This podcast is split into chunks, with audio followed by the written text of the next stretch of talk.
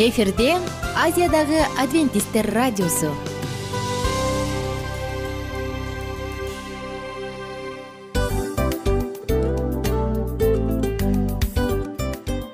Достор салют.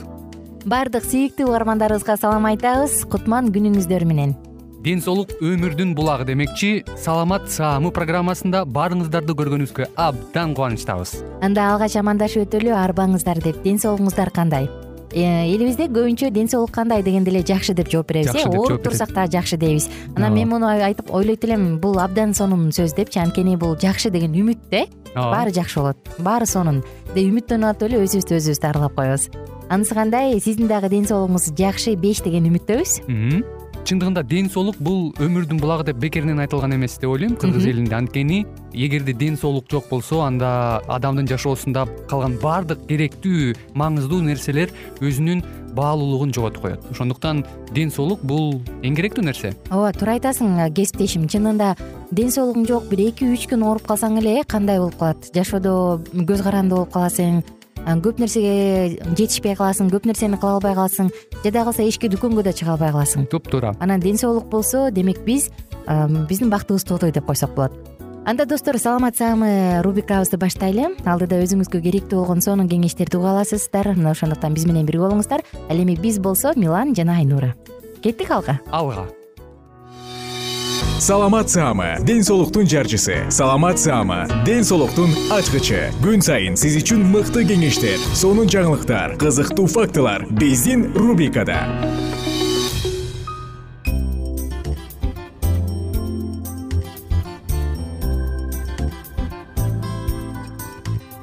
Салам достор кандайсыздар угармандар бүгүн сиздер менен бирге кайсы учурда детоксикация жасаш керек? деген теманын үстүнөн сөз кылабыз жана тыңдап жатканыңыз саламат. Саама рубрикасы. Достор баардык нерсени баштаардан мурун качан? деген суроо кайсы учурда? деген суроону туура коебуз дагы анан кийин андан ары талкуулайт эмеспизби. Анысы кандай? Бүгүнкү темабыз дагы кайсы учурда? жана качан? детоксикация программасын өтүш керек.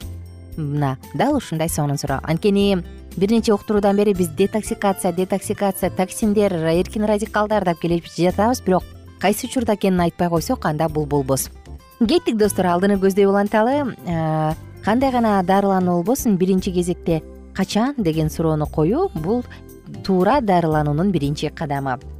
Э, детоксикация. Же болбосо кыскартып айтканда детокс программасы бул организмди тазалоо.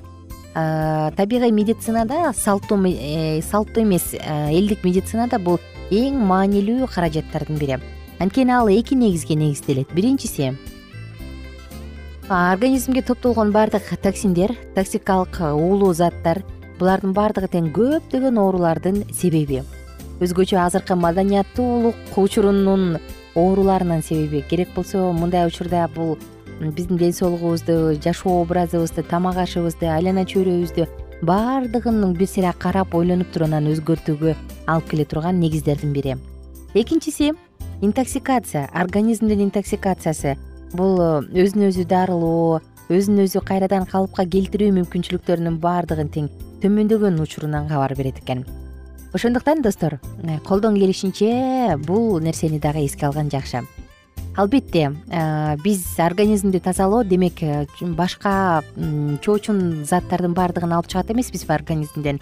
Демек бул программа негизги туура пайдалуу суусундуктарга негизделет. Эми детоксикацияны же организмди тазалоону кайсы учурда жасаш керек? Жазында достор бул программа жазында жазылышы керек. Анткени салттуу түрдө баардык тазалоочу дарылануулар программалар детоксикациялар булардын баардыгы тең жаз мезгилинин башында жасалышы керек. Анткени кышы менен биздин организмде уулуу заттар топтолот биз кышында көп тамак жейбиз бирок аз тердейбиз. Мына ушундан улам. Жазында бул программаны жасаш керек. Бирок азыр убакыттын өтүшү менен биздин тамактануубузда деле көп роль өзгөрүү болбойт. Анткени кышында деле жашылча жемиштер мөмө жемиштер жеткиликтүү. Бирок ошентсе дагы баары бир деле жаздын башталышы детоксикация үчүн сонун учур болуп саналат. Кийинкиси кайсы учурда бизде уулануу симптомдору пайда болот жана ал симптомдор кандай болот? Биздин организм өзүн өзү тазалоого өзүн өзү дарылоого негизи кудурети жетет э? Бирок ошентсе дагы кээ бир учурда жетпей калат. Кайсы учурда? Алдыда сөз кылабыз. Биздин организм өпкө тери бөйрөк жана ичеги карын аркылуу токсиндерди чыгаруучу төрт каналдын негизинде өзүн өзү дарылап тазалап турат. Бирок достор кайсы бир учурда токсиндер өтө эле көп болуп кетет дагы организм аны чыгара албай калат. Тагыраак айтканда интоксикация пайда болот. Адамдын денесинде былжыр көбөйөт. Былжырдын бөлүнүп чыгышы териде ар кандай тактар пайда болуп чыгып кетиши мүмкүн. Баш оору уйкусуздук чарчоо өнөкөт чарчоо энергиянын жетишсиздиги иммунитеттин түшүшү ар кандай инфекцияларга туруштук бере албай калгандык жана ошондой эле интеллектуалдык концентрациянын төмөндүгү булардын баардыгы адамда интоксикациянын жүрүп жаткандыгынын белгиси. Альберт университетинин окумуштуулары канадада. Алар мындай дейт. Организмде уулуу заттардын көбөйүшү бул когнитивдүү дисфункциянын эң башкы негизги себептеринин бири. Ал эмес деменциянын дагы негизги себептеринин бири дешет. Караңыздарчы бир аз эле аллергия жөнүндө айта кетсек аллергиянын симптомдорунун пайда болушу демек сөзсүз түрдө детоксикация кылыш керек экенден белги берет. Оорудан кийин кандайдыр бир ооруп айыккандан кийин биздин организмде токсиндер өтө көбөйүп кетет демек аны тазалаш керек. Сасык тумоо э мисалы? Приступ подагранын приступунан кийин жана баардык оорулардан кийин микроорганизмдер өлүк клеткалар денебизде көбөйүп кетет. Былжыр уулуу заттар булардын баардыгын тең организм сыртка чыгарганга аракет кылат бирок ал жетпей баштайт. Мына бул учурда детоксикация кылыш керек. Ошондой эле кайсы учурда детоксикация кылыш керек дагы? Психоактивдик каражаттарды ичкенде мүмкүн кокустуктан мүмкүн өз эркиң менен ичкенде жана ошондой эле туура эмес тамактанганда зыяндуу азыктарды көп жегенде мөмө жемиш жашылча жаңгактарга жаңгактарды аз жеген учурда дагы детоксикацияга муктажбыз. Жана медициналык препараттарды химиотерапия өзгөчө химиотерапияны алгандан кийин сөзсүз түрдө детоксикация кылган маанилүү. Кайсы учурда детоксикацияны жасабаш керек?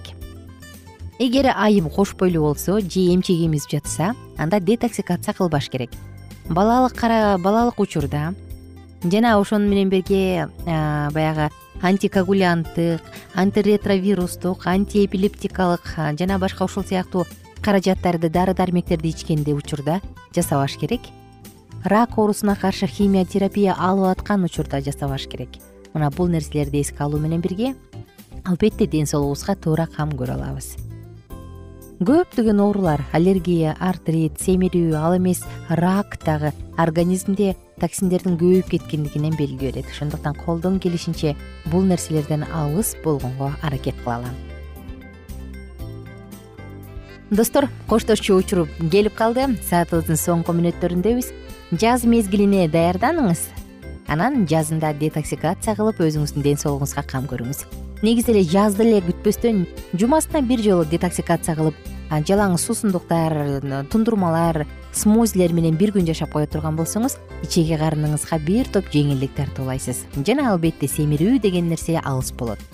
Коштошом аты жөнүм айнура миназарова кийинки уктуруубузда кайрадан жагымдуу темаларыбызды улантабыз жана сизге ушул темалар кызыктуу болуп кала турган болсо суроолоруңуз бар болсо бизге суроо бергиңиз келип турса анда саламат жекит клуб сайтына кириңиз дагы биз менен байланышыңыз.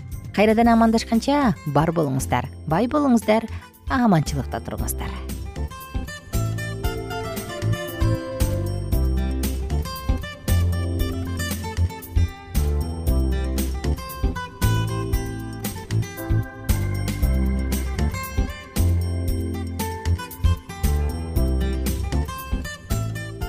кененирээк маалыматтар үчүн үч w чекит саламат чекит клуб сайтына келип таанышыңыздар. Жана андан тышкары социалдык тармактарда youtube facebook жана instagram баракчаларына катталыңыз. Саламат саама ден соолуктун жарчысы. Саламат саама ден соолуктун ачкычы. Күн сайын сиз үчүн мыкты кеңештер сонун жаңылыктар кызыктуу фактылар. Биздин рубрикада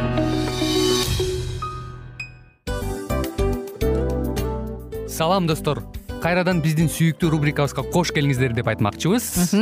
Баардык замандаштарыбызга арбаңыздар деп саламыбызды айтабыз. Улуу ушундай бир урматтаган учурашуу менен анан дил маек радио баракчабызга чакырабыз. Негизи дил маек биздин рубрикабызда эмне жөнүндө кеп кылабыз бул дил маектин мааниси эмнеде рубрикабыз менен кичине тааныштырып кетсеңиз. Сөзсүз түрдө тааныштыра кетейин. Кесиптешим суранычы боюнча бул учурда бул радио баракчада биз ар тарап кесип ээлеринен сонун кеңештерди алабыз сүйлөшөбүз сырдашабыз. Аталарыбыздын эжелерибиздин апаларыбыздын кеңештерин угабыз айтор. Жан дүйнөгө адамдын э, сапатына адамдын деги эле адам болуп жашашына керектүү баардык кеңештер алдыда. Негизи э, дил маек дегенде баягы эки адамдын ортосундагы сырдашуу кенен сүйлөшүү. Негизи эле биз адамдар бири бирибиз менен бир жерге жай жерге отуруп алып өзүнчө тынч жашоо жөнүндө өмүрүбүздө эмне болуп атканын бөлүшкөнү жакшы көрөбүз э адамдар. Ооба туура айтасың анан мындай учурга кээде убакыт да жетпей келет э? Же болбосо сырыңды кайгыңды муңуңду кубанычыңды айткың келет адамга ишенбешиң мүмкүн. Ооба. Бул радио баракча угармандарыбыздын чыныгы досу. Анткени бизден алган кеңеш сиздин жашооңузга чоң жардам берет. Ал эми сиздин бизге айта турган сөзүңүз ортодо гана сыр бойдон калат. Ошондуктан биздин дил маек рубрикабызга дагы бир жолу кош келиңиздер. Жана биз даярдаган маалыматтарга даяр болуңуздар. Айнура жана милан сиздер менен бирге алдыга кеттик ар түрдүү ардактуу кесип ээлеринен алтын сөздөр жүрөк ачышкан сыр чачышкан сонун маек. Дил маек рубрикасында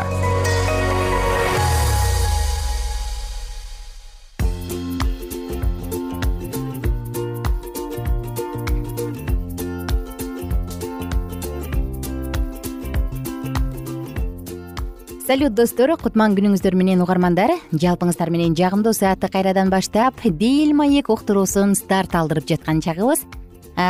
Дил маек уктуруусунда сиздер менен баарлашабыз сүйлөшөбүз сыр ачышабыз жана албетте эң маанилүү делген олуттуу суроолордун үстүнөн токтоп ой жүгүртөбүз.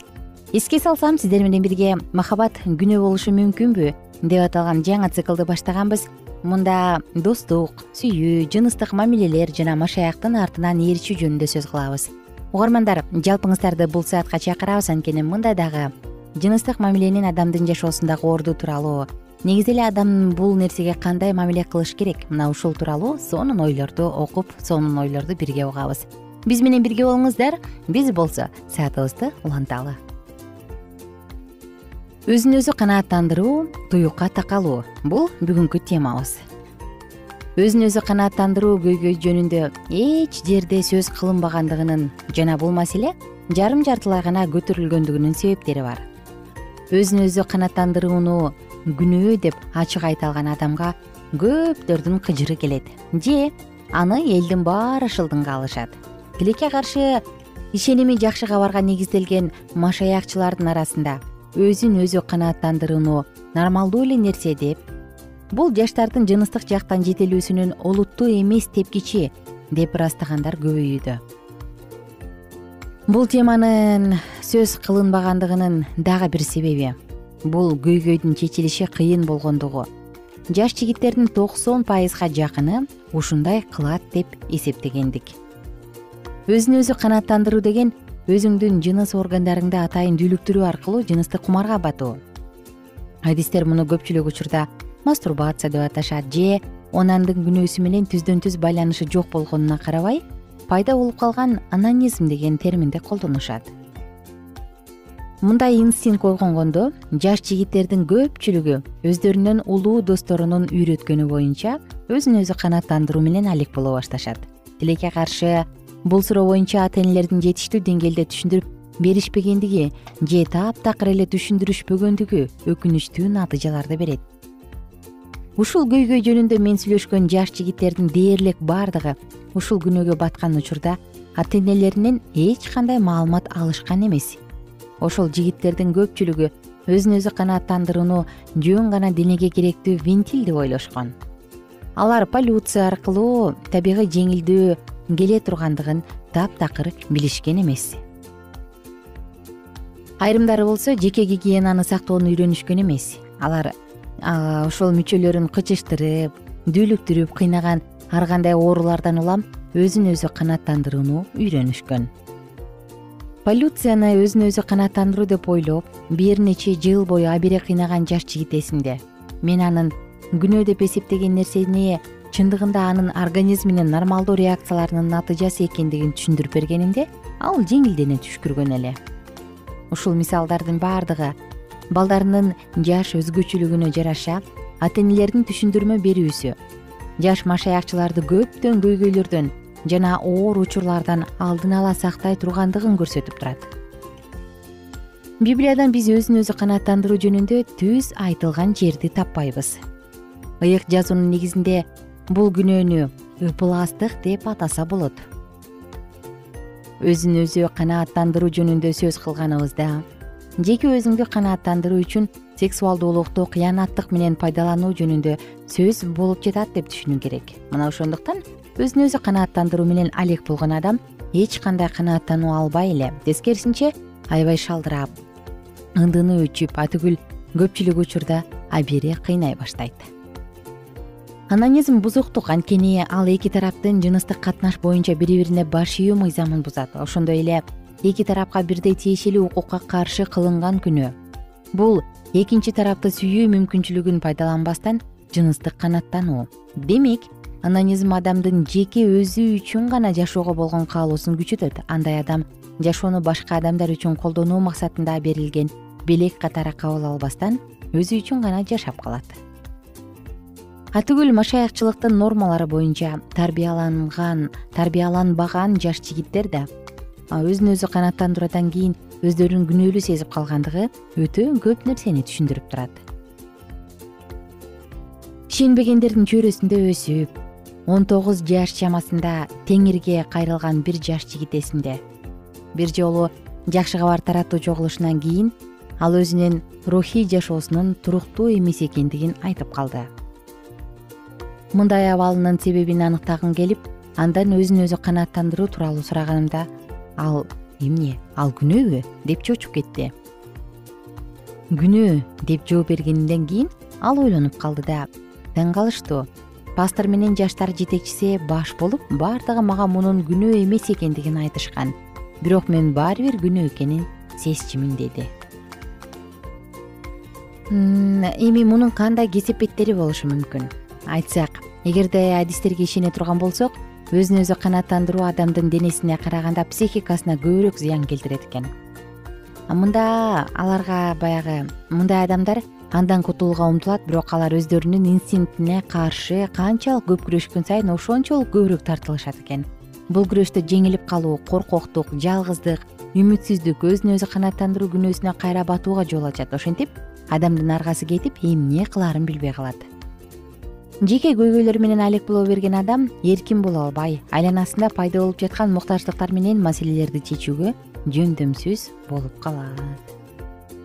Ушунун айынан көптөр күчүнөн ажырап теңир үчүн кызмат кыла албай калышат.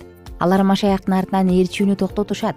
Анткени кайра кайра жеңиле берип өзүн өзү айыптай берип кудайга жана адамдарга кызмат кылууга жөндөмсүз болуп калышат караңыздарчы достор э? Адамдын жашоосунда билбеген кайсы бир нерселер же аңдабай жасаган нерселер канчалык деңгээлде чоң э, жаман кесепетке дуушар кылышы мүмкүн. Достор кийинки уктурууда темабызды улантабыз. Ага чейин жалпыңыздар менен убактылуу коштошобуз. Күнүңүздөр көңүлдүү улансын бар болуңуздар жана бай болуңуздар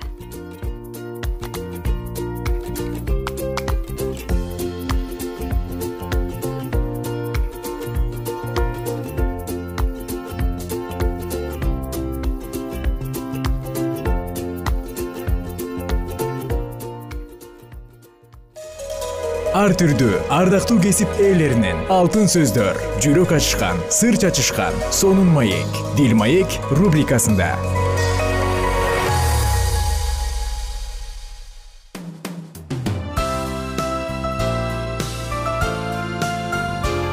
Эфирде азиядагы адвентисттер радиосу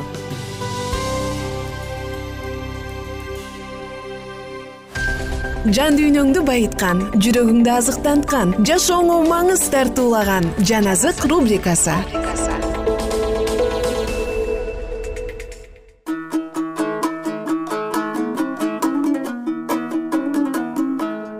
Саламатсыздарбы айымдар жана мырзалар биздин сүйүктүү достор угармандар сиздер менен жагымдуу эң сонун күндөрдүн бири. Сонун аба ырайында сонун учурда сонун жыштыктан үн алышканыма кубанычтамын. Жана сиздер менен бирге жаназак рубрикасын баштап олтурабыз. Биз сиздер менен чогуу. Дал ушул учурда жүрөгүбүздү акылыбызды жан дүйнөбүздү азыктандырабыз. Адамдын рухий жашоосу дагы сөзсүз түрдө кургап чөлгө окшоп кадырап калат эмеспи. Эгерде аны сугарбасак албетте ал өлүмгө дуушар болот. Ошондуктан жаратуучу менен болгон мамилебизди бекемдеш үчүн жаратуучуну таанып билиш үчүн рухий жан дүйнөбүз дайыма сугарылып турушу зарыл достор биз сиздер менен бирге рут китебин окуп баштаганбыз. Бир аз эске салсам мурунку уктуруубузда руттун кайненеси наами өзүнүн маап жеринен өзүнүн жолдошунан эки уулунан ажыраган соң кайра өз элине кайтып келет. Өз элине келатып ал келиндерин орпа менен рутту баргыла үйүңөргө кайтып баргыла турмушка чыгып өзүңөрдүн ордуңарды тапкыла дейт э? Анан бирок орпа макул болуп коштошуп кетип калат. Рут болсо жок мен сен кайда барсаң ошол жерге барам сенин элиң менин элим сенин кудайың менин кудайым дейт дагы кайненесин наамини ээрчип келет. Эми биз андан ары улантабыз.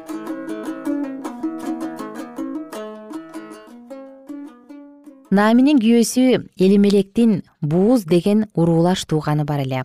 Ал атактуу адам болчу.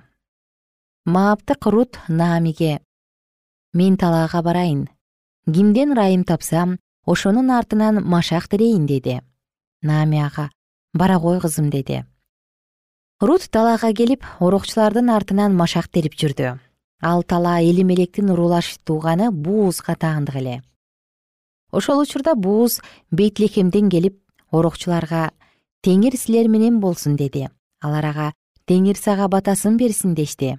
Анан бууз орокчуларынын башында турган кызматчыдан бул жаш келин кимдин аялы деп сурады урокчулардын башында турган кызматчы мындай деп жооп берди.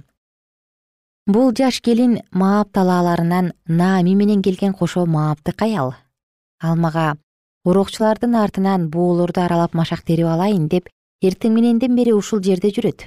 Ал үйүндө аз болот. Ошондо бууз рутка. Кулак салчы кызым.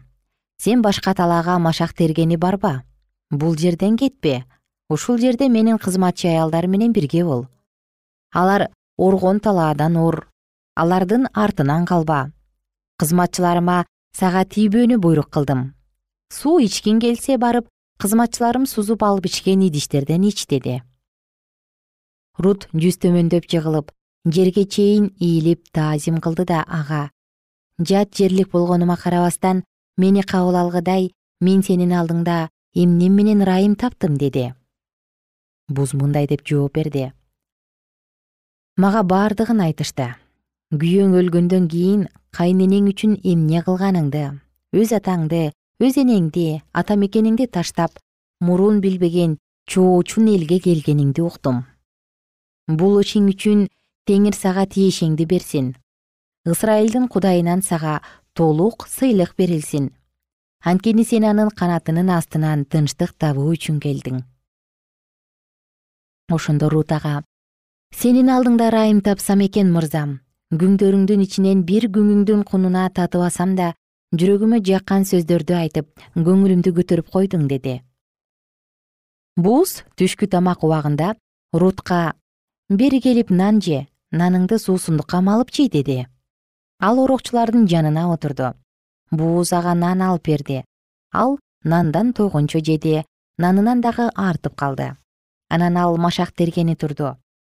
Бууз кызматчыларына мындай буйрук берди. Бул келин буулордун арасынан машак тере бербесин аны таарынтпагыла ага буулордон да ыргытып калтырып тургула терип алсын аны урушпагыла ошентип ал талаада кечке чейин машак терип жүрдү. Терип алган данын бастырганда бир эйфага жакын арпа болду арпасын алып шаарга кетти. Анын терип келгенин кайненеси көрдү. Рут өзү тойгондон кийин калтырып койгон нанды койнунан чыгарып кайненесине берди. Кайненеси рутка сен бүгүн кайсы жерден тердиң? Кайсы жерде иштедиң? Сени кабыл алган кишиге кудай батасын берсин деди. Рут кайненесине кимдикине иштегенин айтты. Мен бүгүн бууз деген кишинин талаасында иштедим ошондо наами келинине тирүүлөргө да өлгөндөргө да ырайым көрсөткөнү үчүн ага теңир батасын берсин деди. Анан наами ага ал биздин жакын тууганыбыз болот деди. Мааптык рут атүгүл ал мага уруу жыюу бүткөнчө менин кызматчы аялдар менен бирге бол деп айтты деди. Ошондо наами келини рутка анын кызматчы аялдары менен чогуу болгонуң жакшы кызым сени башка талаадагылар кордошпойт деди. Ошентип ал бууздун кызматчы аялдары менен бирге болуп арпа оруму менен буудай оруму бүткөнчө машак терип кайынэнесинин үйүндө жашап турду.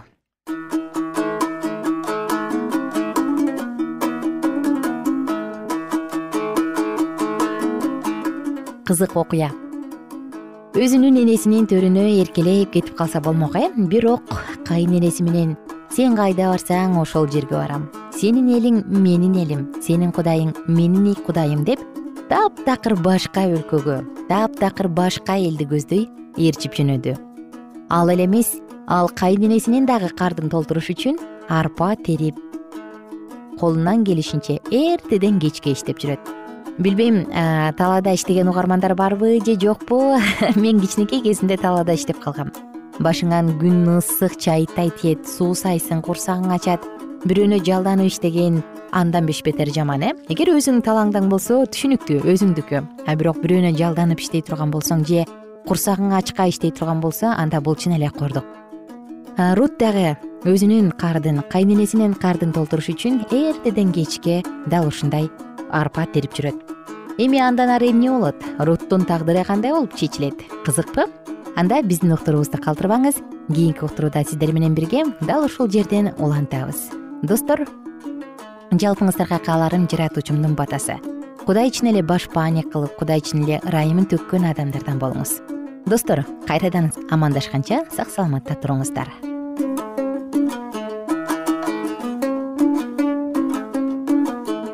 эгер сиздерде суроолор болсо же көбүрөөк маалымат билем десеңиз анда биздин whatsapp номерибизге жазыңыз. Плюс бир үч жүз бир жети жүз алтымыш алтымыш жетимиш. Кайрадан плюс бир үч жүз бир жети жүз алтымыш алтымыш жетимиш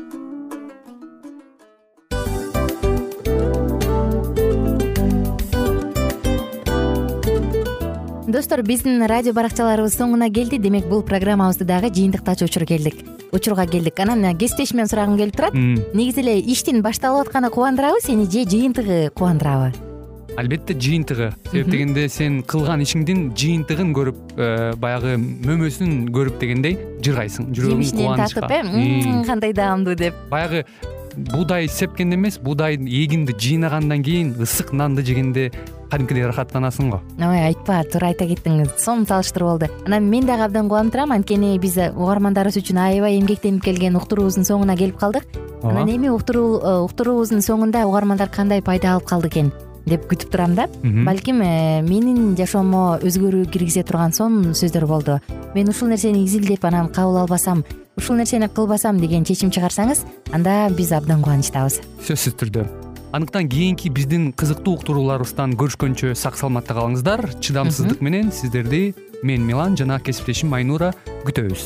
Баардык угармандарыбызга ийгиликтүү күн каалайбыз. Качан гана болбосун уртуңуздан жылмаюу кетпесин үйүңүздө көмүр жүрөгүңүздө көңүл болсун дейли